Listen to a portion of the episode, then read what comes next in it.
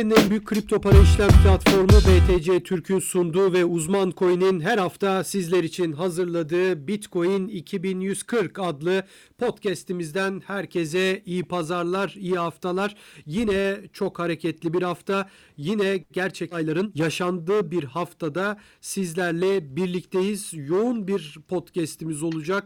Konudan konuya atlayabiliriz. Birçok detay var, birçok konu var ama tabii ki her hafta olduğu gibi çok çok önemli bir konuğumuz var. Bu hafta bizlerle birlikte bize değerli zamanını ayıran kişi Radyo Spor Genel Yayın Yönetmeni. Sizlerin de hem sosyal medyadan hem radyolardan uzun senelerdir e, takip ettiğiniz, bildiğiniz Barış Ertül bizlerle birlikte. Sayın Ertül hoş geldiniz yayınımıza. Hoş bulduk. Çok teşekkür ediyorum Hakan. Sağ ol. Sağ olun. Biz teşekkür ederiz katılımınız için tekrardan. Ee, istiyorsanız hemen Bitcoin'le başlayalım. Gerçekten e, tabii ki e, Bitcoin fiyatını etkileyen çok fazla e, unsur vardı ama bu hafta içinde özellikle Cuma günü Elon Musk'ın Twitter e, profiline Bitcoin yazması e, gerçekten Bitcoin'in e, yani 5000 dolar birden artmasını sağladı. Daha doğrusu bu yorumlar yapılıyor. Onun arttırdığı belirtiliyor.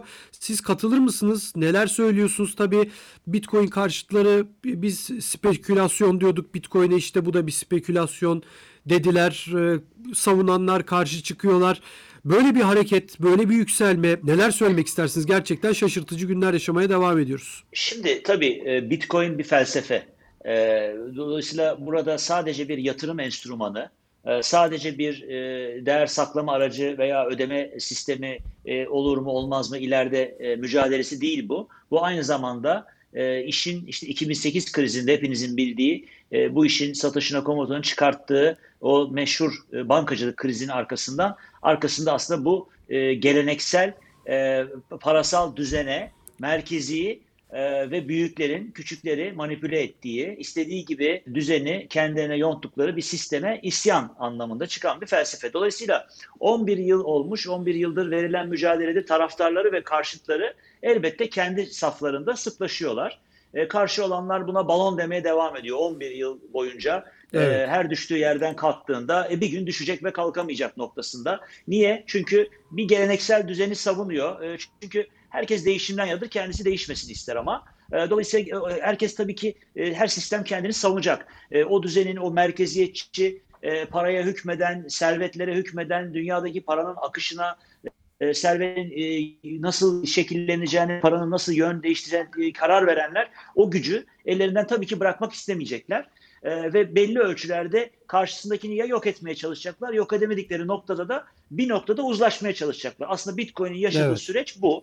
E, Amerika'da Fed'in açıklamaları vesaire bu süreci görüyoruz. Vergi nasıl vergilendiririz? Yani madem bunu biz yok edemeyeceğiz, nasıl vergilendiririz, nasıl benimseriz e, noktasına doğru bu iş gidiyor. Şimdi tabii altın tarafında ve bu bir dijital altın olarak olduğu için altını da tehdit ediyor. Altının tahtına e, oynuyor. Çünkü sonuçta değer saklama aracı bir tane değil. E, rezerv para birimi olarak dolar dominant ama bir tek o da değil. Dolayısıyla hepsinin kendi arasında da bir rekabet var. E, bu rekabette de e, en son gelen ama en hızlı gelen, en gösterişli gelen e, ve hepsinden farklılaşan bütün özellikleriyle, felsefesiyle, duruşuyla, komünitesiyle, anlayışıyla, teknolojik e, altyapısı olmasıyla, e, hepsinden daha farklı olarak kıt varlık olmasıyla tabii hepsinden ayrışıyor ve bir Z kuşağı gerçeği var. Değişen bir kuşak var, dijitalizasyon var, pandeminin etkisi var. Bunların hepsi bir araya gelince hepsine karşı büyük bir tehdit. Ve çok kısa bir sürede yani altının bin yılda aldığı yolu bu neredeyse 10-20 yılda alacak noktaya gelince altın, altın taraftarları da büyük bir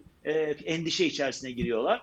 Merkeziyetçi düzenler, merkez bankaları, e, devletler vergilendirecek, o paraya hükmedecek, halkı kontrol edecek. Bunlar te- tehlike içinde görüyorlar. Bu mücadele devam ediyor. Şimdi tabii herkes kendine bir şekilde yandaş topluyor. Bugün bu e, hareket Elon Musk'ın bir t- kendi e, Twitter biosunu e, Bitcoin'e çevirmesiyle bu bir işte e, bak bir manipülasyondur diyenler için de doğru bir şey değil. E, veyahut da Bitcoin bugün artık tamamdır e, işte kazandık de, diyenler arasında da doğru değil. Bu mücadele devam ediyor ama bir çok güçlü bir aktör daha kazandı Bitcoin. E, bunun sinyalleri vardı ama Tabii. bu Bitcoin'in felsefesi, duruşu e, Elon Musk'ın çok net bir tavır koymasıyla bugün biraz daha bu cephe güçlendi. E, bunu gösteriyor bugünkü hareket. Evet tabii ben hemen sözü Burak'a da bırakacağım. E, Bu arada hoş geldin Burak sen de. E, bulduk Seni Hakan. anons etmeyi unuttuk. Bir, böyle Evet. bir heyecanla girdik tabii. Hani e, Elon Musk'lar, fiyat artışları, altcoin'ler derken e, artık olur. Yani hep aynı hafta her hafta seninle yaptığımız için arada birbirimizi de unutabiliyoruz. E, Şimdi Barış Bey tabii e, dediğiniz gibi inanılmaz bir Z kuşağı kitlesi var. İnanılmaz bir teknoloji hızı var. Yani teknolojinin hızı da e, hızlanıyor. Öyle söyleyeyim. Evet, evet, yani aynen. e, gelişmenin de hızı artıyor. E, şimdi tabii burada şaşırtan konu aslında e, Elon Musk Bitcoin'e yatırım yapabilir, artabilir. Açıklamalar olur, devletler veya resmi kimliğe sahip insanlar, e, politikacılar bir açıklama yapar. Bu artışı anlarım ama zaten 30 küsur bin olmuş bir varlıkta e, yani bir tane kelime yazıldı sadece bir profile. Ama- yani bu da ama- sanki geldiğimiz dünyanın bir göstergesi oluyor gibi geliyor bana. E, e, tabii şimdi ne kadar basit bir kere- aslında. Bir tane kelime orada Bitcoin yazdı E, adam. e, e, e, bakın e, bakın şimdi e, Wall Street işte az önce lafa girerken e, söylediniz e, ona da atıfta bulundunuz. Şimdi Wall Street'te yaşananlar var. Şimdi Wall Street Tabii. yılların yılların Wall Street'i e, kendi mekanlarında, kendi oyunlarında, kendi düzenlerinde e, geliyor e, bir anda bir internet platformunda ki bu internet platformunu biz internetle beraber yıllardır biliyoruz. Bir sürü Doğru. var böyle. Reddit'i de işte neticede teknoloji çok iyi bilen bu e, zehir gibi gençlerin bir araya gelip teknoloji konuştuğu, politika konuştuğu, ha, sosyalliği konuştuğu vesaire bir yer olarak biliyorsunuz ama bir anda burada 3 milyon kişi toplanabiliyor ve Wall Street'i evinde vurabiliyor. Yani dolayısıyla geldiğimiz noktada e, Elon Musk sıradan bir adam da değil. E, Bugün Tabii. uzaya uz- uzay uzaya e, gidip gitme vizyonunu ve yatırımını ortaya koyan, buyun dünyanın e, en başta gelen e, birkaç iş adamından biri. En Dönüp zengin insan bu, en başta. e, dünyanın en zengin insanı ve birkaç iş adamı ve ortaya koyduğu vizyon artık bu dünya ile alakalı değil, Mars'la alakalı bir vizyon ortaya koyuyor. Orada orada yerleşimi şimdi diyorlar ki mesela şu anda Twitter'da onun şeyin üzerine e, hep hani e, Moon diyorlardı ya Ay'a gidecek, Ay'a gidecek. Bitcoin Tabii. Ay'ı ay, Ay'ı pas geçti, direkt Mars'a gidiyor diyorlar. Doğru. Tamam mı? Yani onun Doğru, için çok çok, özel bir gerçekten o, o çok özel bir tanım. Oraya onu Bitcoin yazması e, çünkü bu bu kadar önemli bir adam orada bir manipülasyona yol açmaz. Onu yazmışsa e. Bitcoin'e selam çakıyor. E, artık te- işte artık buradan siz Tesla'nın e, yatırımının ileride e, şeyi Apple'ın nakit varlığının aynı MicroStrategy'nin MicroSaver'ın e, yolunu açtığı gibi büyüklerin e, zaten küçük e, orta küçük bir sürü kurumsal giriyor şu anda. E, Coinbase üzerinden herkes takip ediyor bunu ama Tabii. ki bu fiyatlara bu fiyatlara çok hızlı bir şekilde o getirdi zaten ve bu devam edecek ama en büyükler, en büyük oyuncular Tesla'lar, Apple'lar, Google'lar bunlar artık buralara geleceğini gösteriyor e, şeyin e, bu e, bugünkü hareketi. Elon Musk'ın hareketi. Dolayısıyla bir anda oyun bambaşka bir yere gitti. Bunun en önemli olan tarafı fiyat değil. Yani bugün 5 bin dolar bir günde arttı. Belki önümüzdeki birkaç hafta içinde 20 bin 30 bin dolar birden artacak. Ama esas her uzaklaştığımızda sıfırdan ve arkasındaki hikaye 2017'deki gibi tamamen bireysellerin değil daha artık büyük oyuncuların buraya gelip benimsemesiyle her sıfırdan Bitcoin uzaklaştıran bir daha geri dönüşü imkansız hale getiriyor. Dolayısıyla e, eğer şu bir gerçek Bitcoin'in felsefesini anlayanların ilk söyleyeceği şey şudur. Eğer bu sıfır olmayacaksa e, bunun önü çok açık. Yani bu o 50 bin dolarda kalacak bir şey değil bu. 20 bin dolarda kalacak bir şey değil. Ya sıfır olur ya, ya işte e, altının tahtını oynar.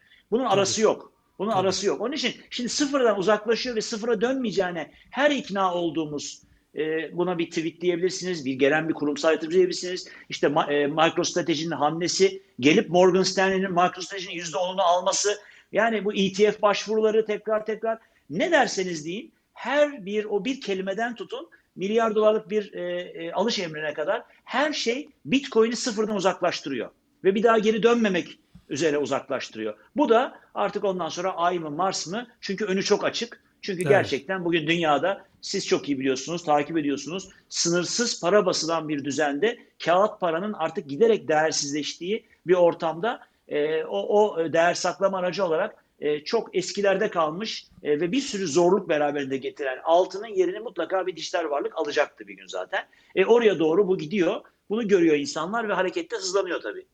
Evet yani e, Burak hatırlar bir 3-4 hafta önce yaptığımız programda da aslında ben de sizin yorumlarınıza benzer bir şey söylemiştim. Yani bugün 30 bin olmasının ben e, 10 bin olmasıyla çok da bir farkı yok demiştim. Yani e, çok doğru, evet, çok doğru. Sıfır, sıfırdan uzaklaşma konusunda belki evet aradaki rakamsal fark olabilir ama onun dışında ya bu gidecek ya yani bu 10 yıl sonra Bitcoin hala işte 20'den 30'a mı indik? Oradan bir volatilite olur. Belki düşerse biraz nefes alır, yükselir gibi konuşmalar bence bu seviyelerde yapılmaz gibi geliyor bana da. Şimdi şimdi şu çok önemli evet. burada yani 10, 10 bin ile 30 bin arasındaki fark şu.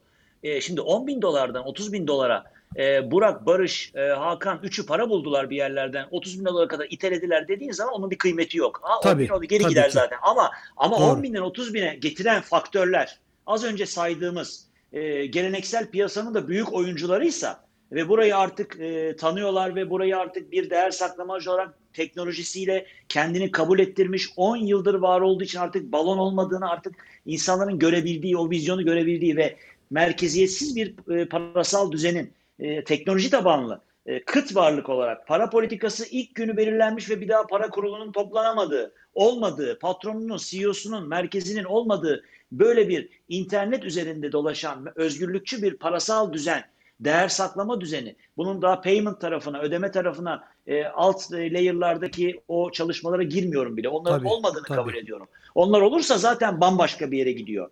Hani o e, Lightning Network denilen hikayede çok ciddi gelişmeler var ama onları yok sayalım. Bu haliyle bile zaten tekamül etmiş ve gelişimini tamamlamış bir varlıktan bahsediyoruz. Doğru. Bir de bunun alt katmanlardaki ödeme sistemleri olarak kabul görmesi onu zaten doların yerine geçirir. Altının değil doların da yerine geçirir. Hani o kadarını bilmiyorum. Onu yaşayıp göreceğiz. Tabii onları da zaten podcast'imizin ilerleyen dakikalarında yorumlarınızda rica edeceğiz. O konuda da hemen sözü ben e, Burak'a bırakayım. E, ben Barış Ertuğrul'un söylediklerinin tamamına katılıyorum ve biraz e, ekleme yapacağım. Elon Musk'ın Twitter biosuna Bitcoin yazması aslında sadece her şey bundan ibaret değil. Onun bence temelleri şöyle güçlü. Birincisi Elon Musk bir uzay yarış içinde tabii biliyoruz. Burada kripto paraların uzaydaki finansal sistemin, işte Mars'taki finansal sistemin temelini oluşturacağı konuşuluyor. E, Elon Musk bir yandan e, Mars çalışmaları yaparken kripto paralarla bu şekilde ilişkilendiriliyor. Onun dışında zaten hadi yani ben buna çok katılmıyor, katılmasam da Elon Musk'a bir Satoshi Nakamoto yakıştırması yapılıyor. Burada birçok e, sebep var. Örneğin kendisinin zaten kriptografi bilgisinin derin olması. Onun dışında e, PayPal'ın kurucusu olması yine bir önemli bir şey. E, finansal dijital ödeme sistemi.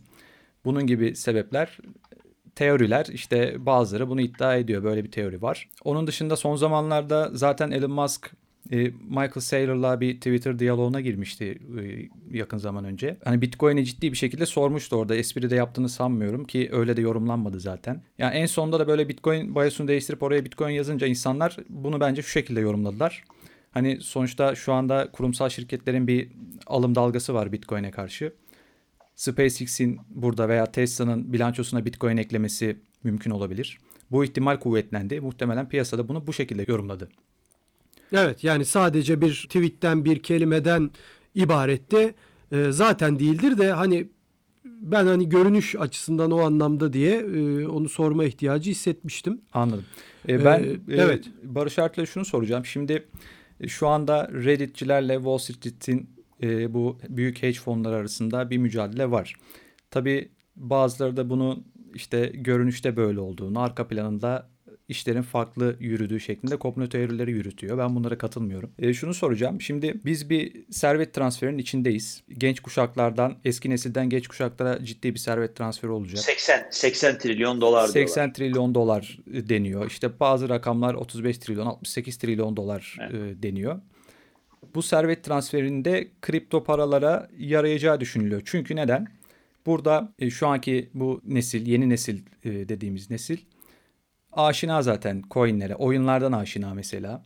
E, ben de zaten kendi çevremde çok altına yatırım yaptıklarını görmüyorum benim yaşıtlarımın. Siz buna katılıyor musunuz? Bu servet transferinden kripto paralar ne mal alacak mı sizce? Şimdi şimdi şöyle söyleyelim. Ee, bahsettiğimiz önümüzdeki 10 ila 20 yılda boomerlardan işte ben de artık o kuşağa giriyorum. Ben 72 doğumluyum. Ben de artık eski kuşak sayılıyorum.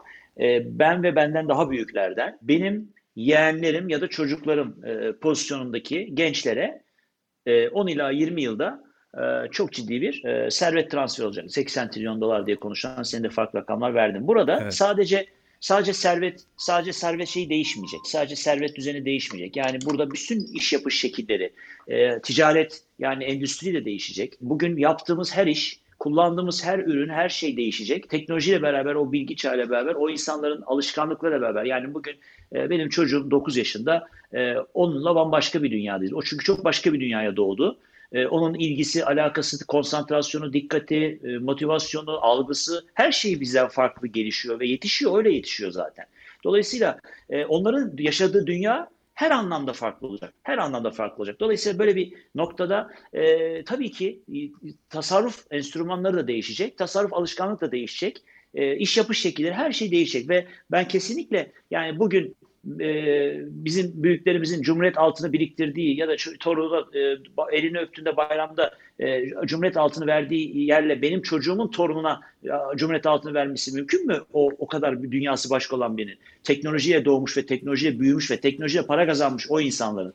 E, bugün bugün 8 10 15 20 yaşındaki insanlar 20 sene sonra dünyayı idare eden insanlar ve bu insanlar da parayı da öyle idare edecekler, tasarrufları da öyle yönetecekler, işi de farklı yönetecekler. Ee, ben dediğim gibi benim çocuğum 9 yaşında ve okula başlarken yani bundan 4-5 4 sene önce New York Times'da bir makale yayınlandı. Ee, ve algıda seçicilik ben o makaleyi yakaladım. Ee, çünkü o gün okul açılıyordu ve benim çocuğum ilk defa okula başlıyordu. Ve o gün New York Times şunu demişti. Bu sene bugün işte okullar açılırken her yerde e, ilk defa okula başlayan çocukların diye başlıyor yazı. Ve şöyle devam ediyor bugün okula başlayan çocukların yani benim çocuğumu anlatıyor New York Times. Diyor ki gelecekte onların diyor yapacak oldukları mesleklerin %78 henüz keşfedilmedi diyor. Şimdi bu çok çarpıcı bir tespit. Yani benim çocuğum ne iş yapacak ileride? Okula başlıyor ve gelecekte onun yapacak olduğu iş her neyse o mesleklerin %78'i henüz yok şu anda dünyada.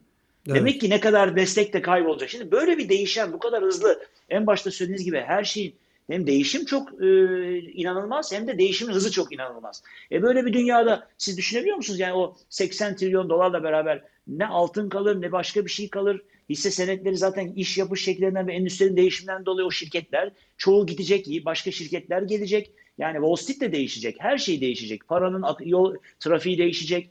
E, tabii bu büyük bir mücadele yine en başa döndüğümüzde. Merkeziyetçilerle, kontrol mekanizmalarıyla özgürlükçü ve merkeziyetsiz bir dünya düzeninin, bir felsefenin geldiği, bir neslin geldiği düzende elbette ki o mücadele e, bir yerde e, birbirleriyle uzlaşarak, birini yok ederek, biri birini yok ederek değil, birbirlerini kabullenerek ve beraber yaşamayı öğrenerek gerçekleşecek. Tasarruf boyutu da işin böyle olacak. O yüzden ben e, şey hesaplığına çok katılıyorum.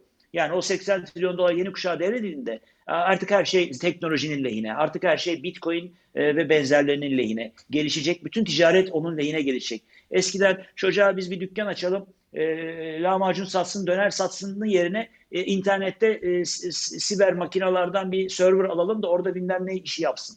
E, artık bu. Yani artık yeni şey bu. Başka türlü e, yaşayamayacaklar zaten. Yani nasıl e, Kodak makineleri gittiği yerine Apple geldiyse telefon şey e, fotoğraf makineleri diye bir şey kalmadıysa, cep telefonu artık fotoğraf makinesi olsa o değişim her şeyde yaşanacak. Kaçınılmaz. Şunu da sormak lazım. Yani aslında biz Burak'la da aynı gazetede çalıştık. Ben hala e, fanatikteyim. Hani orada internet bölümündeydik ve bir de gazete tarafı var tabii ki böyle bir kurumda. Aslında bu dediğiniz e, değişimlerin hepsini yani yaklaşık ben 10 yıl oldu hala oradayım. Canlı yaşayarak e, yani görerek de değil yaşayarak hepsini açıkçası e, öğrendim. Bütün bu değişimleri hissettik aslında. Bu gerçekten bir nasıl diyelim fact yani gerçeklik. Bu karşımızda duruyor. Hani biraz önce siz de dediniz bir lahmacuncu dönerci açalım. E bugün bakıyorsunuz bir pandemi çıktı ki bunun da sebepleri ortada. Yani e, sadece Çin'den gelen bir virüs değil ya o virüsün oluşma sebepleri de aslında ortada. İnsanoğlunun artık tüketim Aynen. çılgınlığını bambaşka bir noktaya getirmesi ve en sonunda dünyanın kendi içindeki kurallarla buna isyan etmesi. Bu hani duygusal bir konuşma değil. Bu gerçekten olan şeyden bahsediyorum. Dolayısıyla bugün hani bir dönerci dükkanı açmak isteseniz cebinizde paranız bile olsa açmazsınız. Yani aslında bahsettiğiniz bu değişiklikler biraz da zorla olacak gibi duruyor. Zorla derken illa acı çekerek veya başka türlü değil. Yani acı çekmek istemeyen insanlar belki korkudan yapmayacaklar onları. Artık kağıt para e, tabii çok basit bir örnek ama hani mikrop kapmayalım diye kağıt para almayacak insanlar. Bu en azından bu sebeplerden biri olacak. Bambaşka sebepleri de olsa da. Ben size şunu sormak istiyorum. Buyurun. Ee, şimdi tabii ki e, kripto paralar dedik ama dijital varlıklar deniyor, dijital para deniyor. Kripto parayla dijital varlık aynı değil deniyor ama işte Bitcoin var. Bir numara en büyük kripto para. Ethereum var. Bir de geri kalanı var. Çok güzel Evet. projeler de var. Eyvallah hepsi tamam. Ama şu şuna katılır mısınız? Yani ileride sadece Bitcoin kalacak diyen bir kitle var. Diğer hepsi toz olacak. Bir de şimdi Ethereum'un da tabii çok ciddi DeFi ile birlikte inanılmaz bir e, önem kazandı Ethereum'da. Ethereum ve Bitcoin kalacak ileride. Diğer hepsi ya değişecek ya 4-5 tanesi kalacak. E, ama bugün hani e, zengin olma hedefiyle hayaliyle insanların aldığı altcoin'ler aslında çürüyüp gidecek diyorlar. Siz buna katılır mısınız? Ben şöyle düşünüyorum. Ee, bir kere Bitcoin'i ayrı bir yere koymak gerekiyor. Ee, Bitcoin Evet. e, bir, bir değer saklama aracı olarak deyin isterseniz isterseniz e, alt layer'lardaki e, başarılı uygulamalarla, geliştirmelerle, Lightning Network ve benzerleriyle e, ödeme sistemi olarak da e, bu arada mesela bakın ödeme sistemi olarak diyelim ki kabul gördü. Lightning Network benimsendi diyelim ki bu demek değildir ki e, bugün Merkez Bankası'nın çıkarttığı kendi dijital paraları veyahut bugün kullandığımız liralar, eurolar, dolarlar yok olacak. İlla bir şey geldiğinde öbürünün yok olması gerekmiyor.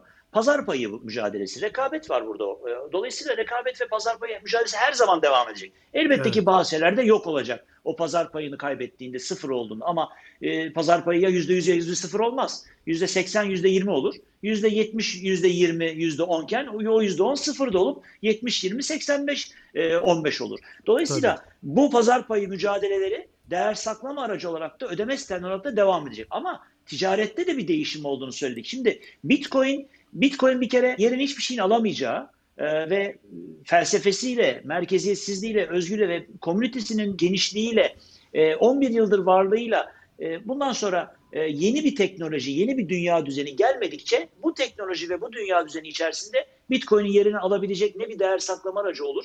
Yani Bitcoin hatta aksine altına ve dolara kafa tutar e, ya da başka şeyler çıkarsa onlara kafa tutar ve onlarla bir pazar payı mücadelesinde olur. E, illa onları yok edecek diye bir şey yok. Yani altını yok edemez ama altınla beraber o pazar payı kavgasına girer.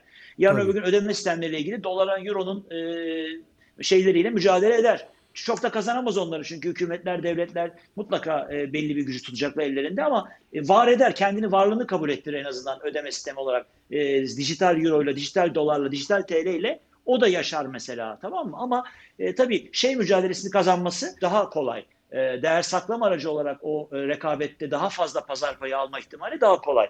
Şimdi öbürlerine gelince Ethereum e, Bitcoin hiçbir zaman rakibi değil ama Ethereum başka bir şey. Sizin de söylediğiniz gibi DeFi vesaire gibi kullanım alanlarında bir platform olarak yeni dünya düzenindeki ticaretin bir unsuru olarak ve community büyüklüğü olarak da yine çok farklı bir pozisyonda olduğu için Ethereum'da e, Bit- Bitcoin'le hiçbir zaman rakip olmamakla ve olamayacak olmakla beraber e, önemli bir yer işgal ediyor ve onu da ben kalıcı olduğunu düşünüyorum. Ama şu var, Ethereum işte Proof of Stake'e geçti. Yani daha e, para politikasını, uygulama politikalarını temeldeki şeylerin üzerinde çalışan ve bunu zaman zaman bu fikirleri değiştirebilen bir e, yapı. Dolayısıyla Ethereum yarın öbür gün yok olursa da şaşırmam.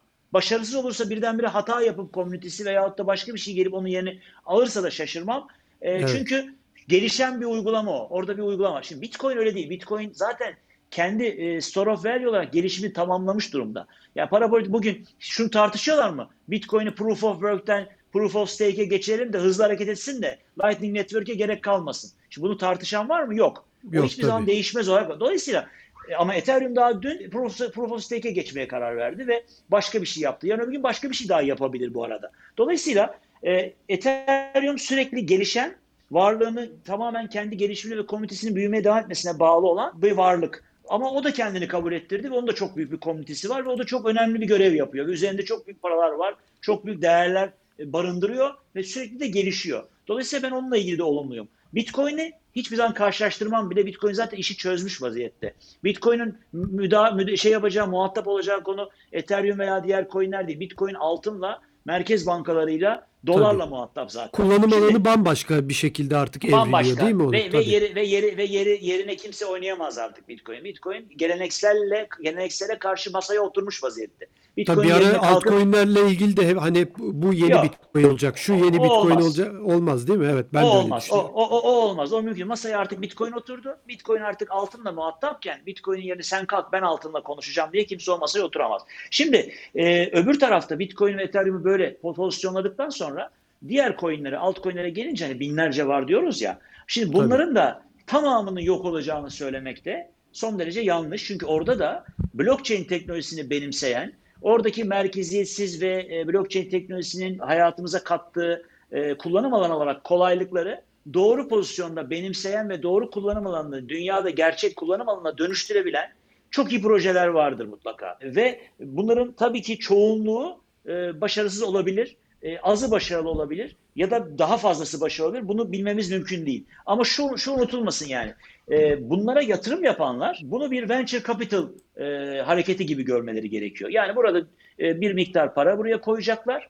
E, bu bir risk altında, çok ciddi risk altında olan bir para ama çok büyük getiri olabilir eğer o proje, o projeyi e, geliştiren ekip, e, yazılımcı kadrosu ve komünitesi ve kullanım alanı olarak blockchain teknolojisini doğru sahiplenmiş ve onu gerçek hayatta kullanıma dönüştürebilmiş ve önümüzdeki dünya, değişen dünya düzeninde e, anlamlı, geçerli bir e, iş yaratabilmiş bir e, proje ister altcoin olsun, ister bilmem ne olsun, ister sermayesi 1 milyon dolar olsun, ister 150 milyon dolar olsun çok ciddi e, sizi de sermayedar olarak kazandırır. Ama buna bir venture capital gibi yaklaşılması gerekiyor. Yani Doğru. bir e, Ethereum'a, Bitcoin'e rakip aldım ben diye değil de e, ya da başka bir anlayışla benim 0.2 Bitcoin'im var. E, burada da pumplar, dumplar var. E, çok da güzel para kazanılıyor. Ben bu 0.2 Bitcoin'i buraya koyayım da bu 0.2 Bitcoin'im 20 Bitcoin olsun. 2 Bitcoin olsun. Bitcoin'imi arttırayım. Vurur kaçarım. Şimdi bu yanlış bir yaklaşım ve burası sadece sizin Bitcoin'inizi eritmenize sebep olur. O pumpların, dumpların peşinden koşarsanız. Burada yapılması gereken o Bitcoin ve Ethereum ayrı koyduktan sonra diğerlerinden hangisini almak lazım ya da almak lazım mı? E, işte bir venture capital mantığıyla siz sanki bir venture capitalsınız ve e, orada büyük gelecek vaden bir sürü projenin içinden bu diye seçeceksiniz. Ona yatırım yapacaksınız. Bunun riskli olduğunu bileceksiniz ama 3, 5, 10 yıl vadelerle bakacaksınız. E, ve baktığınızda işte neye bakacaksınız? GitHub commitment'larına bakacaksınız. Bunlar gerçekten çalışıyorlar mı? Geliştiriyorlar mı? E, bunun, bunun sahibi var mı? E, ve kullanım alanı olarak bu bir şeyi gerçekten hayatımıza katacak mı ileride? Buna bakacaksınız e, ve bekleyeceksiniz. Ve bunu da Bitcoin'le e, siz yatırımınızı da Bitcoin üzerinden de düşünmeyeceksiniz. E, bekleyeceksiniz ve bir gün eğer gerçekten tutarsa da e, o işte size 100 kat, 1000 kat da kazandırabilir. E, tıpkı venture capital'ların e, bu e, şey melek yatırımcı olarak gelip e, müthiş e, başarı hikayeleri yazan şirketlere yaptıkları yatırımlar gibi. Böyle görmek gerekiyor. Bunlardan bir tanesine ben mesela benim arkadaşım başında çok müthiş bir genius diyebileceğim yazılımcıları var.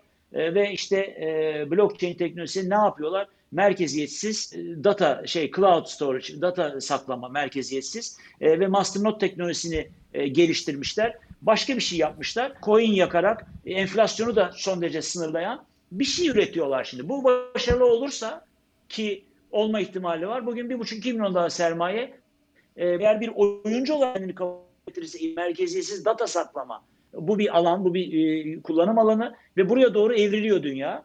E, tıpkı Bitcoin'in parayı özgürleştirdiği gibi, sermayeyi özgürleştirdiği gibi e, o da data saklamayı özgürleştirebilir. E, ve farklı işte ucuza ve daha hızlı upload, download şeyleri yaratabileceği gibi işte artık o teknolojiyi doğru kurmakla alakalı. E şimdi bu, bu, bu çocuklar da sıfırdan bir kendi blockchain'lerini yazıyorlar. Başka bir yerden öyle hani al e, hemen copy paste yap değiştir de değil. Sıfırdan kendi kodunu yazıyor. Kendi blockchain'i var ve kendi teknolojisi, kendi felsefesi e, ve bakıyorsun buna oynuyorum, bunu yapacağım diyor. Yaptığı anda, oyuncu olduğu anda o kadar büyük bir pazar ki bugün 1-2 milyon dolar, yarın 100 milyon dolar, 200 milyon dolar rahat olur. Hele hele Tabii. büyük oyuncuyum, büyük oyuncu olmayı başarırsa, büyük oyuncu olmayı başarırsa milyar dolarlık iş- bir şirket veya bir yatırım veya da bir işte merkezis yapı olarak bir e, olgu olarak karşımıza e, ticaret hayatına çıkar. Dolayısıyla böyle şeyleri arayıp bul buluyorlarsa bulsunlar. Bugün gireyim de bir pump'ta hemen Bitcoin'imi 3'e 5'e katlarım. Yine bu ondan sonra satarım gene Bitcoin'e dönerim. Orada başka bir şeye girerim. Ondan çıkarım. Telegram hesaplarından takip edeyim. Nerede nereye gidiyorlarsa ben de peşinden gideyim. Sakın bunlara hiç tevessül etmesin kimse. Tabii de yani çok var maalesef. Yani canlı yayınlarda bile YouTube'da siz de görüyorsunuzdur. Hadi girelim de arttıralım. Yani buna da insanlar inanıyor. Yani oradan işte biz Türkler şöyleyiz bir de hani gurur okşama. Hani girersek bir yere işte alırız hala bir böyle bir hani fethederiz. Oraya girdik mi yükseltiriz bu coin'i gibi. Maalesef yönlendiren ve bu yönlendirmelere de inanan insanlar var. Barış Bey'in de dediği gibi bunlara e, hiçbir şekilde e, yani paranıza değer veriyorsanız e, o bir emek gösteriyoruz hepimiz her ay. E, o maaşı alabilmek için ciddi oranda çalışıyoruz, yoruluyoruz, zamanımızdan harcıyoruz. Buna değer veriyorsanız zaten vermezsiniz paranızı diyelim. Ben sözü Burak'a Hakan şu, şunu, Buyurun, şunu buyurun. söyleyeyim. Burak, Burak'a sözü bırakırken şunu ilave edeyim. Şunu hiçbir zaman unutmasınlar. Traderların yani alıp satarak para kazanmaya çalışanların dünyada bunlardan kripto currency tarafında da var. Geleneksel piyasalarda, borsalarda Tabii. falan da var. E, traderların %97'si zarar eder. Sadece %3'ü kazanır. Bunlar da çok profesyoneller ve gerçekten çok başarılı, çok zeki olanlardır. Ve onların da hayatları çok da özenecek hayatlar değildir yani. Doğru. bazıları bazıları uyuşturucu bağımlısı olmuştur. Dikkatini verebilmek için, konsantre olmak için gecesi gündüzü karışmış, sosyalleşemeyen ama inanılmaz para sihirbazlığı yapan e, grafikler üzerinde e, alıp satan bunlar ama bunlar %2, %3, %97'si zarar eder bu. Alıp doğru yere doğru yatırım yapıp ve sabreden, bekleyen. Bugün dünyada kitabı yazılan en büyük yatırımcılar, yatırım fonu yöneticileri, milyarder zenginler, dünyada bunlara bakın, Warren Buffett ve benzerlerine bakın.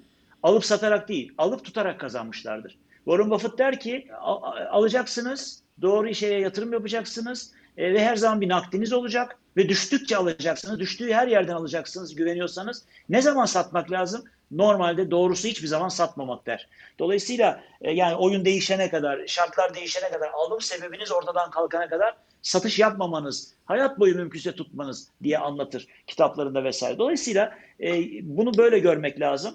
Bir şeye Evet. yatırım yaparken yarın satmak için değil, e, oyun yani alım sebepleriniz değişmediği sürece bir başarısızlık, bir e, işte e, fundamental bir değişiklik olmadığı sürece, alım sebebinizi ortadan kaldıran bir force majeure durum olmadığı sürece doğrusu hiçbir zaman satmayacak şekilde almak. Yani bunu, bunu insanlar ister Bitcoin ister Ethereum işte benim e, dediğim gibi ben e, hep biriktirmekten yanayım. E, Her zaman biriktirmekten yanayım. Yeter ki nereye yatırım yapacağınızı doğru bulacaksınız. Sinovate'de de bu böyle, Bitcoin'de de far- öyle farklı değil. Evet. Burak sana geçelim. Ee, Barış Bey siz biriktirmekten yanayım demiştiniz de biz genelde konuklara şunu da soruyoruz burada. Siz Bitcoin'i satmıyor musunuz? Sürekli alıyor musunuz? Genelde aslında biz de öyle yapıyoruz genel olarak. Siz hangi Vallahi- taraftasınız bu konuda? Ben şöyle söyleyeyim. Ben e, 2016 yılında yani ben duyuyordum daha evvel. e, fazla dikkat etmiyordum. Sonra 2016 yılında e, fiyat artışlarıyla beraber e, daha fazla dikkat etmeye başladım ama hiç elimde yok Bitcoin o tarihte. Evet. Dolayısıyla aslında o günün şartlarında geç fark edenlerden sayılırım. E, 2010, 2011'ler, 2012'ler dikkate alındığında ve oradaki fiyat artışları dikkate alındığında e, o da beni açıkçası korkutmuştu. E, ve ben yani yüzlerce dolarken fark ettiğimde felsefesini, teknolojisini okumaya başladığımda grafiğe de bakıyorsunuz ister istemez. E, dolayısıyla korkuyorsunuz. E, ve şundan emin olamamıştım o zaman. Acaba bu e, bu teknoloji evet felsefeye bayılmıştım. Felsefeye hayran olmuştum. Merkeziyetsizliğe vesaireye e, ve blockchain'in ne olduğunu öğrendikçe e, hayran olmuştum e, Satoshi Nakamoto'ya. E, inanılmaz bir adam veya bir daha yani bir e, anlayış diye düşünmüştüm. Fakat tabii acaba bu teknoloji kırılabilir mi? Çünkü ben teknik bir adam da değilim. E, benim burada atladığım bir şey var mı? İnsan atladığı bir şey var mı? Ya burada e, işte bugünün ifadesi o chain splitler vesaireler olduğunda ne olur? E, bir anda yok olabilir bu. E, çünkü çok yeni bir teknoloji ve bilmediğimiz bir teknoloji. Felsefe harika da acaba işleyecek mi? Birkaç yıllık bir şey günün sonunda. E, bir kere bundan emin olamadım. Bir de beni şey çok korkutmuştu. E, alacağım e, işte e, online cüzdanlarda saklama vesaire e, bunu ben çaldırabilirim. E, bilgisayarım bozulabilir. Çok teknik bir adam da değilim. Ben bunu elime yüzüme bulaştırabilirim e, düşüncesinde. E, işin custody tarafında, saklama tarafında bir de teknolojiye çok güvenememiştim. Felsefe çok iyi olmakla beraber. 2016 yılı ben böyle geçti. Sonra 1000 doları zorlamaya başladı. E, ve orada benim iyice dikkatimi çekti ve kanım da birazcık şey yapmaya başladı. Bu, bu artık galiba bu bu teknolojisi falan bunun çok iyi ve bu bu kadar alıyorlarsa bu fiyat Bu arada- yükseliyorsa Sözünüzü kestim. Sizin de bir finans geçmişiniz var bildiğim kadarıyla. Tabii var. Ben ben çok eski borsayla çok eskiden beri uğraşıyorum. Benim kendi profesyonel hayatımın dışında geçmişimde e, borsa yatırımcılığım çok var. Dolayısıyla ben e, bilanço okumayı da bilirim. Yani borsada da almayı satmayı trade çok ettim zamanında. Yatırımcı tarafımda oldu. Trade ederek kaybettim. Yatırım yaparak kazandım. E, bunlar çok eski 20-30 senelik hikayeler bu anlattıklarım. Dolayısıyla e, her şeyi oradaki başarı ve başarısızlıkta da yaşamış biri olarak da bakıyorum. E, o yüzden biraz da tedirgin ve temkinli bakıyorum. Ben de çünkü profesyonel hayatın içindeyim bu tarihlerde. E, yani sizin dediğiniz gibi maaşla para kazanıyorum. Dolayısıyla te- tabii ki hemen giremiyorum yeni bir teknoloji ve yeni bir dünyaya. E, bugün İstanbul borsasından daha çok daha kolay alabilirdim o tarihte mesela almak isteseydim. Neyse buna baktım ve 1000 doları zorladığında artık 2017'nin başıydı. E, ve ben karar verdim ki o zaman da şeyi öğrendim bu arada. Soğuk cüzdan öğrendim. Soğuk cüzdana sahip olabileceğimi ve soğuk cüzdanın çalışma şekli de kafama yattı. Tamam dedim bu güvenli ben bunu nasıl saklayabileceğimi öğrendim. Ee, ama bu- bunu benim öğrenmem 2017'yi buldu. E, 1000 doları zorluyor. Geçiyor 1000 doları. Geçti 1000 doları. Çok hızlanmaya başladı. Dedim ki bu doğru. Bir kere teknolojide de bir sıkıntı yok. Felsefe zaten tamamdı. Ben nasıl saklayacağımı da öğrendim. Hemen bir soğuk cüzdan satın alırım. Ben almaya başlamam lazım bunu. Benim bunu kaçırmamam lazım. Dedim ben bunu 2017'nin başında. Ama benim alabilmem, ilk alabilmem, becerip alabilmem 2800 dolardır. 2017'nin başları. Hı hı. Ve dikkat edin o tarih o kadar doğru bir tarih ki aslında geç kalmakla beraber o gün için. Evet. Ee, orada büyük boğa başlıyor değil mi? Bü- Büyük bir boğa Evet, koşusu evet. başlıyor. Evet. E, ben orada ben onun başındayım aslında 2008 dolar değil mi? Ve ben 20 bin dolara kadar aldım. Yani tabii ki kendi paramdan arttırabildiğim kadarıyla. Her fiyattan aldım bakın. 2008 dolarda 2017'de başladım. 20 bin dolardan da aldım ben ama. Tamam mı? 19 bin küsur dolardan da aldım yani. Sonra ve bu arada hiç satmadım. Yani o 2008 dolardan aldığını sattım mı 17 bin dolara? Hayır 17 bin dolardan da aldım. Çünkü ben hep ilk aldığım gün biriktirmek için almıştım zaten. Alıp satmak için almamıştım. Ee, ve bunun o, biz- o bu bugün konuşulan rakamları ben o gün düşünmüştüm. Ee, altının piyasa değeri. Çünkü o doğru bir yatırımcı her zaman piyasa değeri üzerinden konuşur. Nedir o günkü piyasa değeri? Hangi piyasa değeri olacağını düşünüyorsun? Bütün yatırım felsefeni, şeyini, e, e, stratejini, al sat stratejini de dahil buna göre yapman lazım. Benim hiçbir zaman sat stratejim olmadı. Hep al stratejim oldu. İlk aldığım gün. Dolayısıyla ben boğa koşusunun başında, meşhur 2017'nin başında orada tabii onun öyle olduğunu bilmiyordum ama orada almama rağmen ve ben hiçbir zaman o boğa koşusunun dönüşünde de satmadım. Ve dönüşünde de almaya devam ettim. Evet. 17 bin, 19 bin, 17 bin dolara düştü, 15 bin dolara düştü, 10 bin dolara düştü, 5 bin dolara düştü. Ben oralarda da almaya devam ettim. Ve hep aldım. Ve bugüne kadar hep aldım. Peki hiç satmadım mı? Sattım. E insanın paraya ihtiyacı oluyor, satıyor. Parası olmuyor, bir şey lazım. Bir, büyük bir masraf oluyor, satıyor. Dolayısıyla ben paraya ihtiyacım olmadığı her zaman tuttum. Paraya ihtiyacım olduğunda sattım. Fiyatın ne olduğu önemli değil o gün bana para lazımsa. E, ama para arttırdığım ve arttırma e, motivasyon da bunun Bitcoin'in bu tarafı da çok önemli. Tasarrufu çok yönlendiriyor değil mi? Lüzumsuz bir harcama ediyorsunuz ki ya bu para ileride o kadar çok para edecek ki ben Bitcoin'i niye bozdurayım bunun için deyip Tabii. e, tabii. çok lüzumsuz harcama da yapmıyorsunuz. Bu tasarruf alışkanlıklarını da insanların e, eğ- eğitmek bakımından müthiş bir buluş Bitcoin. E, dolayısıyla e, o gün işte size söylediğim gibi 2017'nin başında almaya başladım. E, Bütün boğa koşusunu boyunca aldım. Düşerken de aldım. Düştükten sonra da o 2019'dan sonra o sürünür, sürünürken de aldım. E, ve o kadar inanıyordum ki e, 12 Mart 2020'de pandemi patladığında bir günde iki günde %50 düştü ya 4 bin Evet, dolara falan evet. filan. E, para bulmak lazım, yine almak lazım. Bu e, bul- bulunmaz fırsat. Çünkü Bitcoin alakalı bir düşüş değil. Bütün dünyada nakde kaçıran bir düşüş diye. O zaman da yerimden o şekilde fırladım. Bir gün bile tereddüt etmedim. Ben buraya koyduğum paralar yok olacak, eyvah bu batıyor diye. Bil- Biliyordum ilk gün alırken, ikna olmuştum. Dolayısıyla da hiçbir zaman satmayı düşünmedim. Peki şu olmadı mı? Ya satsaydık bak ne biçim para kazanmışız aşağıdan alırdık. Ya bunu da e, benim yaşım, e, olgunluğum, tecrübem e, bu keşkeciliği oynamayacak kadar da e, var. Dolayısıyla e, hiçbir zaman bunu da demedim. Yani şu en son şeyde bile 42 bin dolardan 30 bin dolara düştü. Tabii benim etrafımda bana soran ve alan bir sürü insan ya nasıl satmıyorsun 40 bin dolara? Bak 30 bin dolar olduysa bu kadar hızlı çıktı bu kadar zamanda. Hiçbir şey e, hiçbir şey sonsuza kadar dümdüz çıkmaz ki. Bunu en iyi senin biliyor olmasan nasıl satmayabiliyorsun dediklerinde bile ben bunun lüzumsuz bir tartışma olduğunu, keşkecilik olduğunu, geriye bakıp konuşamayacağını ve bir gün geldiğinde nasıl o gün 2000 dolardan almakla 200 dolardan almak bugün bir şey ifade etmiyorsa fiyat 30 bin dolar olduğu için yarın öbür gün altınla aynı piyasa değerine gelip 500 bin dolar olduğunda da acaba 40 bin dolardan mı almıştık 20 bin dolardan mı almıştık bir anlam ifade etmeyecek. Dolayısıyla da kendinizi kandırmayın. Ah şuradan satardık, buradan geri alırdık, e, elimizdekini arttırırdık, e, arbitraj yapardık. E, öyle bir dünya yok. Onu bilebilecek bir sihirli küre hiçbirimizde yok. Hakan? Yani e, aslında Barış Bey anlatırken Burak yani bizim haftalardır bu podcast'i yaparken aylardır hatta e, bizim burada konuştuklarımızı siz çok daha detaylı çok daha böyle bir e, radyoculuğunuzdan da belki hitabet tarzınızdan da kaynaklanıyordur.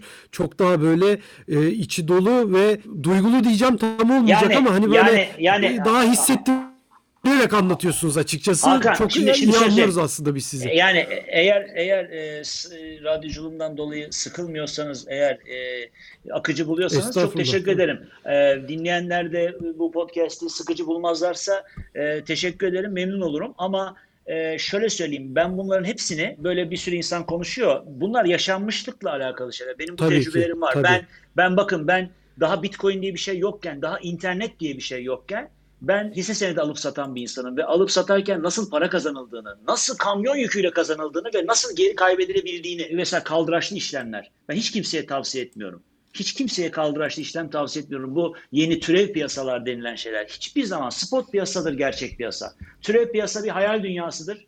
Ee, ve e, eninde sonunda e, ya biz bakın türev piyasalar dünyada ilk çıktığında e, da- biz, tabii o zaman İstanbul borsasındayız. Sene 1990 e, bir gün bize birileri geldi. Dedi ki işte türev piyasalarda size e, şey satacağız yurt dışından. E, istediğiniz her şeyi alıp satabilirsiniz dediler. E, işte kakao, portakal suyu, e, işte altın, gümüş. Bunları satabilirsiniz ve bunları türevli olarak, kaldıraçlı olarak yapabilirsiniz. E, peki dedik yapacağız, edeceğiz. Nasıl peki parayı koyuyoruz? İşte parayı şuradan bankadan, o zaman bankacılık sistemi de bu kadar pratik değil. Şöyle parayı gönderiyoruz, şöyle yapıyoruz. Peki parayı nasıl alıyoruz dedik. Adam dedi ki vallahi işte daha almak isteyen olmadı dedi. Her koyan kaybediyor parayı. Şimdi dolayısıyla baktığınızda o 1'e 10, 1'e 30, 1'e 50 kaldıraçlı işlemler hayal vaat eder. Ama gerçekler çok acıdır. Yani para o kadar Tabii. kolay kazanılmıyor. Dolayısıyla Tabii. spot piyasadır gerçek piyasa ve ben alsata çok hevesli olan grafiğin başına oturayım, kahvemi koyayım, e, alsat yapayım ve ben oturduğum yerden para kazanayım. Ne kadar güzel bir dünya. Yok dediğim gibi yüzde üç sadece bu işi yapanların. O da çok profesyoneller ve bizden açık konuşayım. Bizden çok daha zeki, kıvrak insanların, yetenekli insanın yapabileceği işler. O duygulardan arınarak o grafikler içinde e, dans etmek. Ben bunları yaşayan, yaşayan, bilen bir insan. Yani nasıl kazanılır, nasıl nasıl yani tutarak kazanın derken, sabır gösterin derken, o milyar dolarlık olmuş kitap yazılan adamların söylediklerinin ne kadar doğru olduğunu sıkıcı da olsa çok cazip, seksi gelmese bile insanlara. Çünkü insanlar küçük paralarla çabuk zaman, kısa zamanda büyük paralar kazanmak istiyor. Böyle bir dünya yok. Onu anlatmaya çalışıyorum. Biraz sıkıcı oluyorsa da çok inanarak, e, bilerek söylüyorum bunları. O yüzden e, kü- akümüle etmek, biriktirmek, e, hiç satmamak, ihtiyacı olmadıkça satmamak. Ha bu arada şu var. E, çok para kazandınız. Bitcoin çok yükseldi.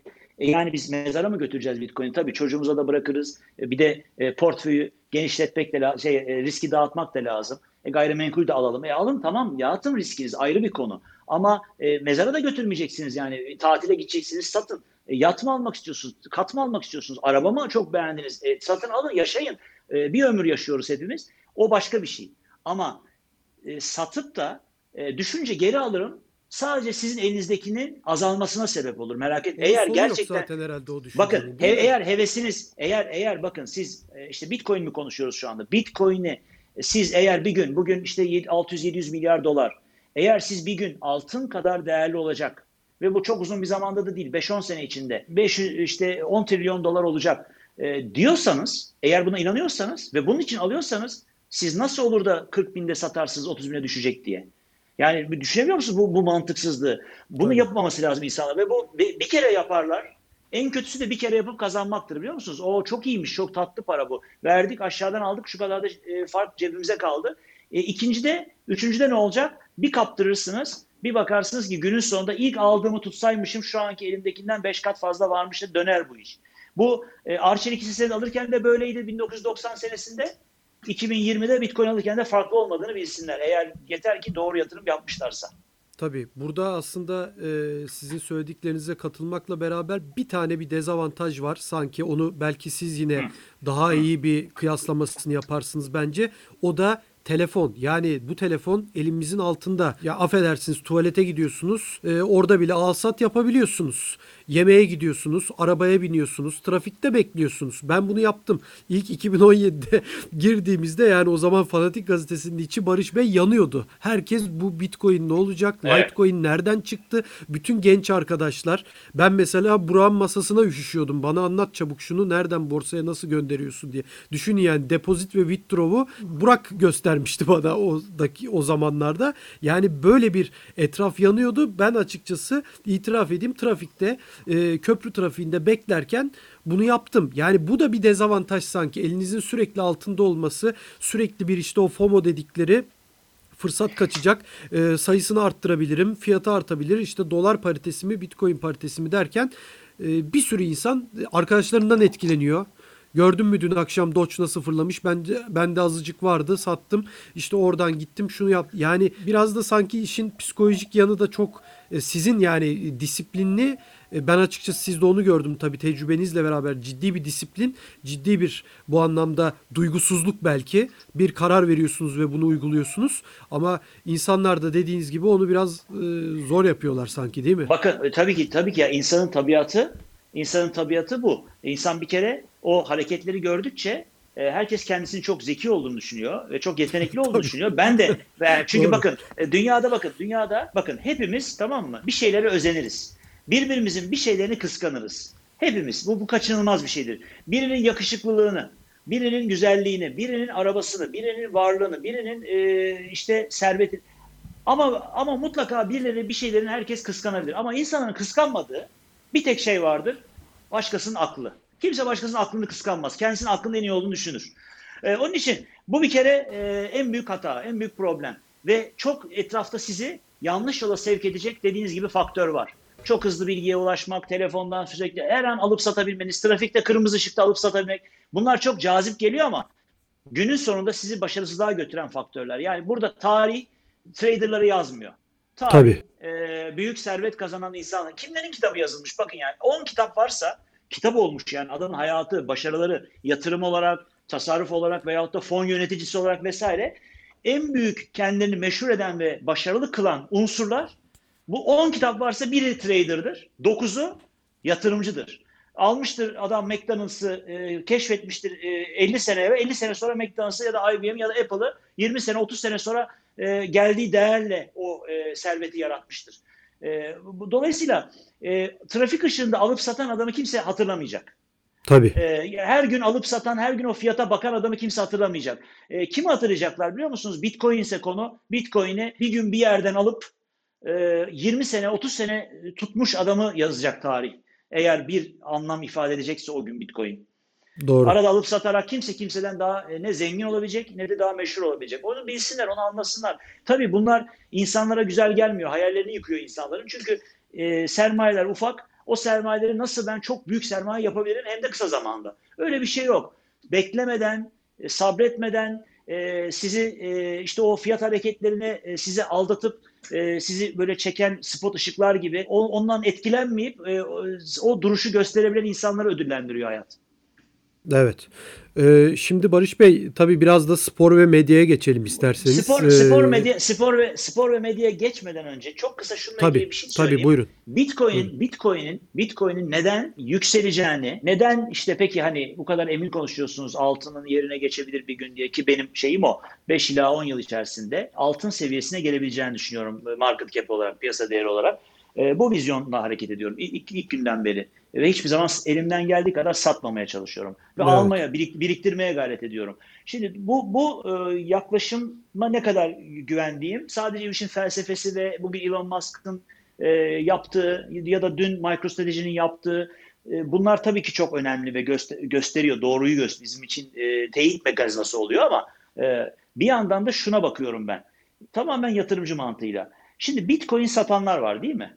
Bu satanların sizce yüzde kaçı ben buradan aldım, yukarıdan da sattım, Allah bereket versin, parayı cebime koydum, benim bir daha Bitcoin'e işim olmaz diyor. Kaçı bunun? Hiç sıfır biliyor musunuz? Ben hiç görmedim. Ben bence de tabii. Senelerdir Tabii. siz, siz benden çok daha fazla içindesiniz. Bu işin içindesiniz internet medyası olarak ve çok da güzel de bir markanız oldu. Onu da tebrik ediyorum burada bu arada seninle beraber. E, Teşekkür ederim. Dolayısıyla dolayısıyla e, siz bu kadar bir içindesiniz. Hiç gördünüz mü? Bir kere şu anda o e, all time high seviyelerdeyiz. Yani bugün baktığınızda prensip olarak herkes karda değil mi? Hiç zararda olan yok. Alıp tutanlardan. E şimdi Tabii. dolayısıyla alıp alıp tutanların hepsi karda bugün. Yüzde yüzü karda. En büyük noktada olduğunuza göre 37 bin 40 bin seviyeleri. Peki bunların satanı diyelim. Biri sattı diyelim ki. Sattı ve bir- anda gitti bir tane ev aldı kendine. Yat aldı, kat aldı. Bir daha benim işim olmaz Bitcoin'e. Ben parayı kazandım ve bir daha ben e, yapacağımı yaptım diyen bir kişi çıkmaz. Bunların hepsi Mümkün değil. Tabii. bunların hepsi düşsün yine alayım diyecek. Doğru mu? Tabii. Doğru. Ha şimdi dolayısıyla bakın Bitcoin öyle bir noktada ki yani demek ki bu sürekli yükselmiş bugüne kadar. Arada düşüşler yaparken tabii ki normal olarak.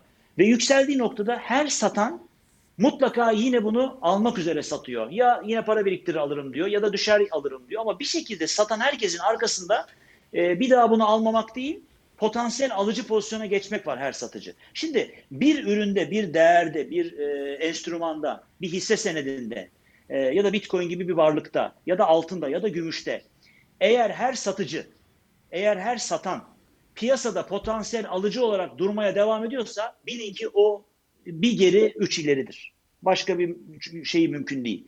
Ne zaman ki insanlar satıp bir daha almamak üzere satıyorlarsa o zaman o yolun sonuna gelmiş olabilir. Dolayısıyla buna da baksınlar, buna da dikkat etsinler. Evet.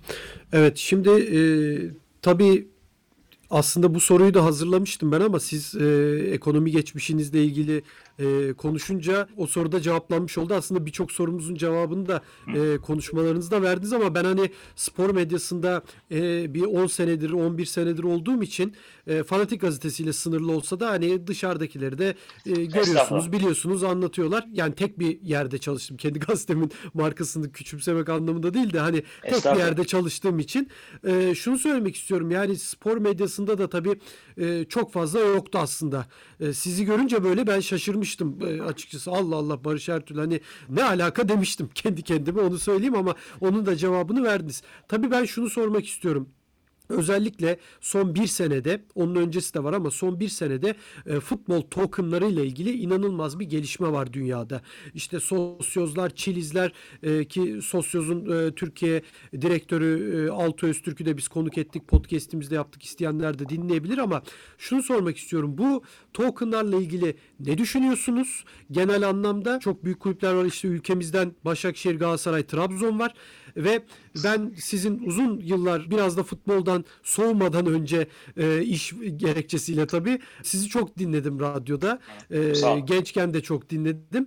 E, Fenerbahçeli olduğunuzu da biliyoruz tarafsız yorumlarınızı dinlemekle beraber. Yani hiç çekinmeden açıkçası yorumlarınızı hiç çekinmeden söylüyorsunuz. Fenerbahçe bu anlamda bir token çıkarmadı. Burada bir geç kalmışlık düşünüyor musunuz?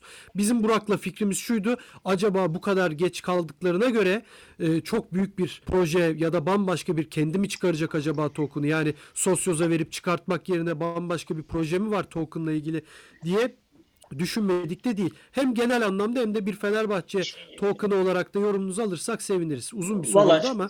yok yok çok çok çok güzel bir soru ve çok net bir cevabı var bu sorunun. Şimdi e, bir defa e, genel anlamda şunu söyleyeyim. Blockchain teknolojisi yani Bitcoin'in e, hayatımıza kattığı, internet üzerine koyduğu bir şey olarak e, blockchain teknolojisi elbette bir sürü kullanım alanı yaratıyor beraberinde. İşte az önce Decentralized Cloud'daki e, benim kendi beğendiğim projeden tutun da bir sürü başka ama Bitcoin'e rakip olamayacak ama Ethereum'a rakip olabilecek başka projeler vesaire. Farklı kullanım alanları- alanlarını doğru ama blockchain'e gerçekten ihtiyaç varsa blockchain'den gerçekten faydalanarak bir katma değer yaratabiliyorsa bunlar hayatın içine girdiler ve girmeye devam edecekler ve bunların bazıları da çok başarılı olacaklar.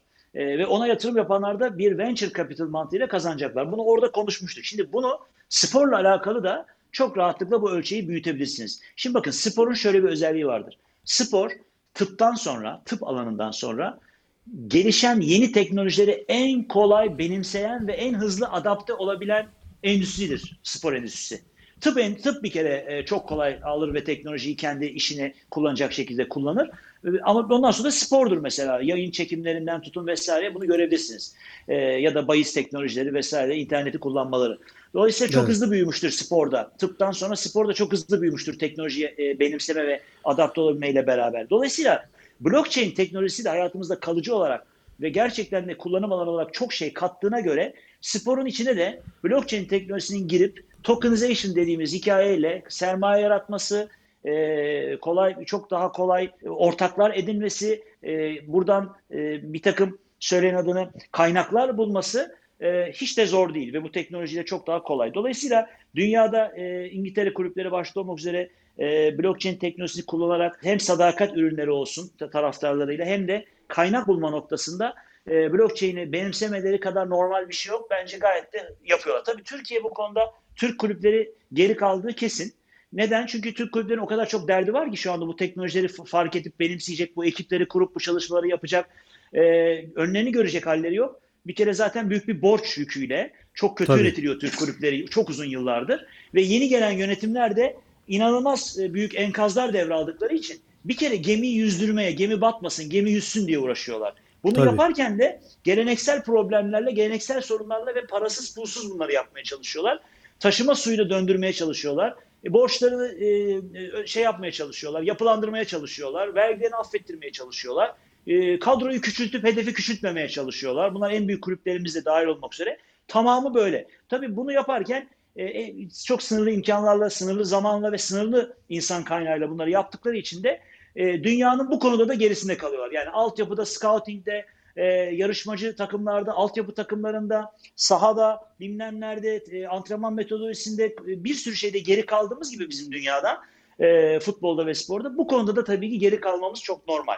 Ama mesela ben yakın bir zamanda Türkiye'de e, kulüplerin bu yani batmayıp ayakta kalabildikleri noktadan itibaren buraya da döneceklerini e, ve mutlaka tokenization'la e, taraftar sadakat programlarıyla mutlaka bu blockchain teknolojisinin bir yerde buluşacağını düşünüyorum. Yani bugün bir Mesut Özil transferi var değil mi bizim tarafımızda en Tabii. büyük gündem. Evet. Yani e, Bitcoin'de Elon Musk varsa burada da Mesut Özil var. Dolayısıyla Mesut Özil'in siz e, tabii 32 yaşında son transferini yapıyor diye bakıyor olabilirsiniz ama düşünün siz Mesut'un gencini e, iyi bir e, altyapıdan yetiştirdiğinizi kabul edelim. Veya scouting, e, çok iyi bir scouting'i oturttuğunuzu ve bir genç bir Mesut Özil'i keşfettiğinizi kabul edelim.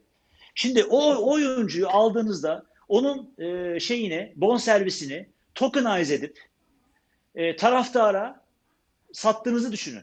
Tabii. Ve inanılmaz. taraftar o ve, ve taraftar o bonservisin satın aldığı oranda ortağı oluyor değil mi? Oyuncunun bonservisi değerlendikçe taraftar bunu satıldığında realize edebildiği gibi satılana kadar oyuncunun bonservisinde transfermarkt.com'daki fiyat artışlarını mesela baz alabilirsiniz ve bir borsa yaratabilirsiniz. Burada alıp satabildiklerini düşünün yani. Bir oyuncu gol attığında, asist yaptığında bonservis değerinin arttığını ve e, o bonservise sahip olanın da ondan para kazandığını e, ve bunun bir borsası olduğunu düşünün. Şey, ve ne oluyor biliyor musunuz? Tokenize ettiğiniz için kulüp o bonservise taraftarı ortak ettiğinde oradan bir sermaye alıp o sermaye de yine yatırım yapıp kullanabiliyor. Tabii. Yani bu e, veya bir veya transfer edeceği bir oyuncuyu 10 milyon euroya alacağı bir oyuncuyu baştan tokenize edip bu transfer gerçekleştiği noktada tokenize edip sattığında oradan topladığı kaynakla bonservisin peşinatını ödeyebiliyor. Dolayısıyla bunlar zamanla e, bizim kulüplerimizin de gündemine, dünya kulüpleri gündemine de gelecek. Kaçınılmaz çünkü bunlar kolaylık. Bunlar ya bu teknoloji size bu kolaylığı getiriyor. SPK'dan izinler bilmemlere falan gerek yok. Tokenize et, birebir ölçekle sat. Ya bu dolayısıyla bunlar olacaktır diye düşünüyorum. Tabii. Ee, Fenerbahçe konusuna e, nasıl değinmek istersiniz? Şu açıdan da sorayım. Yani tabii Aziz Yıldırım 20 senelik bir başkanlık döneminden sonra yeni jenerasyon bir başkan geldi. Tabii ki Türkiye'nin tanıdığı bir ailenin bir e, üyesi geldi ve hani bir bu anlamda da bir atılım yapması bekleniyordu ama burada pe- pek bir atılım da görmedik Fenerbahçe'de. Valla şimdi e, bir kere e, Aziz Yıldırım tarafıyla ilgili şimdi çok güzel bir sohbet oldu benim açımdan. Bilmiyorum siz memnun musunuz ama ben çok Tabii keyif ki, aldım size ki. konuşmaktan. Tabii ki. İnşallah yayını dinleyenler de e, pişman olmazlar bu kadar vakitlerinden ayırdıklarında. Çünkü hayatta en önemli şey zaman. E, Tabii. dolayısıyla bu kadar güzel bir sohbeti e, tatsız bir şekilde bitirmeyelim. Aziz Yıldırım'a gelelim. Ali Koç da e, evet yeni jenerasyon e, ve e, ne yaptı? Geldi. Çok zor şartlarda geldi. Çok e, batık durumda olan, çok kötü yönetilmiş, e, bütün kaynakları tüketilmiş bir kulübü e, uçurumun eşiğinde aldı. Dolayısıyla e, ben onun içinde bulunduğu zorlukları çok iyi bilen biriyim. E, anlıyorum da. E, dolayısıyla bir kere orada bir bocaladı. İkinci bocalaması kendi acemiliğiydi. Bir sürü hata yaptı. Doğru adamları doğru yerlere koyamadı. E, ve onu e, sürekli değiştirmek ve doğruyu bulana kadar da e, büyük bir zaman ve e, sermaye kaybetti. E, sportif başarı da tabii o e, şeyde gelmedi. Dolayısıyla bu sancılı süreçten nasibini maddi olarak da sportif olarak da olumsuz anlamda aldı. E, daha yeni yeni Ali Koç önüne bakabiliyor. Daha yeni yeni plan program yapabiliyor. Az önce konuştuğumuz atılımlar, benzeri, daha farklıları tabii ben o, e, o onlar ne planlıyorlar bilmiyorum. Ben kafamda e, olması gereken şeyler, olabilecek şeyleri size az önce söyledim. Tokenization vesaire. Ama bunun gibi başka altyapıda mutlaka bir şeyler yapacaklardır. Çünkü o vizyonla geldi. Onu söyleyerek geldi. Ee, biz onun için oy verilmesi gerektiğini söylemiştik. Ben o zaman seçim zamanında e, binlerce oy farkla kazanacağını ve kazanması gerektiğini, Fenerbahçe ve Türk Sporu için kazanması gerektiğini söylerken yayınlarda taraftar olarak taraf olarak söylemedim. Tamamen tarafsız bir gözle söyledim. 98 model ankesörlü telefon, jeton atıp da yutan e, Aziz Yıldırım varken 2000 küsur model e, e, akıllı telefon da Ali Koç benim gözümde. Dolayısıyla Ha o akıllı telefonda e, tam iyi çalışamadıysa ilk zamanda teknolojik arızalar verdiyse onun da gelişilmesi, değişim. O da hatta mesela sordular ona güzel bir soru sordular. Taraftar Ali Koç, Başkan Ali Koç için ne düşünüyor dediler. E, o da çok güzel bir soruydu. O da dedi ki vallahi dedi e, sevdiğini düşünüyor düşünür kulübün ve hatalarından ders çıkarını düşünür dedi. O da biliyor bir sürü hatalar yaptığını. E, inşallah düzeltir. E, Fenerbahçe için de Türk futbolu için de iyi olur. Evet e, aslında süremizi Barış Bey e, bayağı da aştık ama gerçekten çok güzel bir program oldu. Süremizi aşmamıza değen şöyle bir yapalım. program oldu. Şöyle, Ağzınıza şöyle sağlık. yapalım. Buyurun, buyurun. Şöyle yapalım. Süre, süremizi aştığını kimseye söylemeyelim. Bunu ikiye bölelim. Ee, çok tuttu devamlı çektik diye yapalım. Böyle oradan kurtaralım. tamam. Gerçekten Peki. çok güzel oldu hem aynı sektörden olmamız Sağ hem sağ medya mensubu olmamız birbirlerimizi belki çok güzel bir program çıkmasını sağladı. Ben de gerçekten hem e, böyle kripto paralar ve dijital dünya hakkında da bu kadar bilgili ve bu kadar gerçekten beyin açıcı bir program beklemiyordum. Vallahi Tekrardan o ağzınıza sizin, o sağlık. sizin, o, diyeyim. sizin, o sizin güzel düşünceniz. Ee, Ben güzel söz için çok teşekkür ediyorum. Beni davet ettiğiniz için de başta Burak'a teşekkür ediyorum. Ee, ve gerçekten çok başarılısınız. İnşallah başarılı devam eder. Biz de Sağ her zaman elimizden geldiği kadar aynı medya içi- içindeyiz. Ee, ben sadece bir yatırımcı ya da işte bu işlerle ilgilen biri değil. Medyanın da içinde olan bir şey var. Her zaman yanınızdayım. Onu da söyleyeyim. Çok Ee, bunun dışında bunun dışında da e, bana şunu söylüyorlardı. Benim bu işlerle ilgimi, alakamı, e, geçmişim vesaire bilmediklerinden ve 15 yıl oldu benim tabii. E, 15 yıldır futbolla, sporla alakalı e, sürekli göz önünde konuşuyor olmak. E, bana şunu söylediler. Ben Bitcoin'i çok yani tabii ne bileyim işte 2019'un sonlarına doğru ortalarında dediğin zaman bayağı şu ana göre düşük fiyatlar değil mi? Hem de çok kısa bir sürede çok iyi. Ve ben o tarihlerde sponsorluklar getirdim. Kendi sabah kuşağına, sabah drive time'ı 10 küsur yıldır yapıyorum sabah drive time'da. Evet. Oraya koydum ve ben hep zaten yayıncılıkta şunu yapmaya çalışıyordum. Ee, spor konuşuyoruz, anlatıyoruz. Tamam Fenerbahçe Galatasaray bir, bir yere kadar güzel ama oradan hep hareketle insanların hayatlarına dokunmak lazım. Ee, oradan hep bir takım dersler çıkartıp kulüplerden, o günkü tartışmalardan e, hayatımızla ilgili hep gelişmek yönünde, e, bunları yorumlamak yönünde hep yapmaya çalıştım. E, ve sporun dışına tabii çıkınca ekonomisi, siyaseti, ticareti bunlara da tabii değiniyorsunuz. Oradan da örnekler veriyorsunuz. Çünkü kulüp dediğiniz sizin aileniz gibi. Kulübü yönetmek bir ana babanın ailesi yönetmesi gibi. Ticareti de böyle. Sportif başarı dediğiniz çocuğun okuldaki karnesi gibi. Her şey birbirine o kadar e, benziyor ki analojiler o kadar yakın ki birbirine. Çünkü mantık, e, felsefe aynı. Dolayısıyla bunları konuşurken ben tabii bu köşeleri açtım ve Bitcoin'i anlattım. Bakın dedim böyle bir teknoloji var. Geleneksel piyasada Amerika'da borsa böyle, Türkiye'de böyle. E, ekonomiler buraya gidiyor. Dünya ekonomileri yavaşlıyor. Dolayısıyla burada kriz e, ihtimalleri var, fırsatlar var. Böyle bir teknoloji var. Bunları söylerken tabii insanları buralara da uyandırmaya çalıştım ben.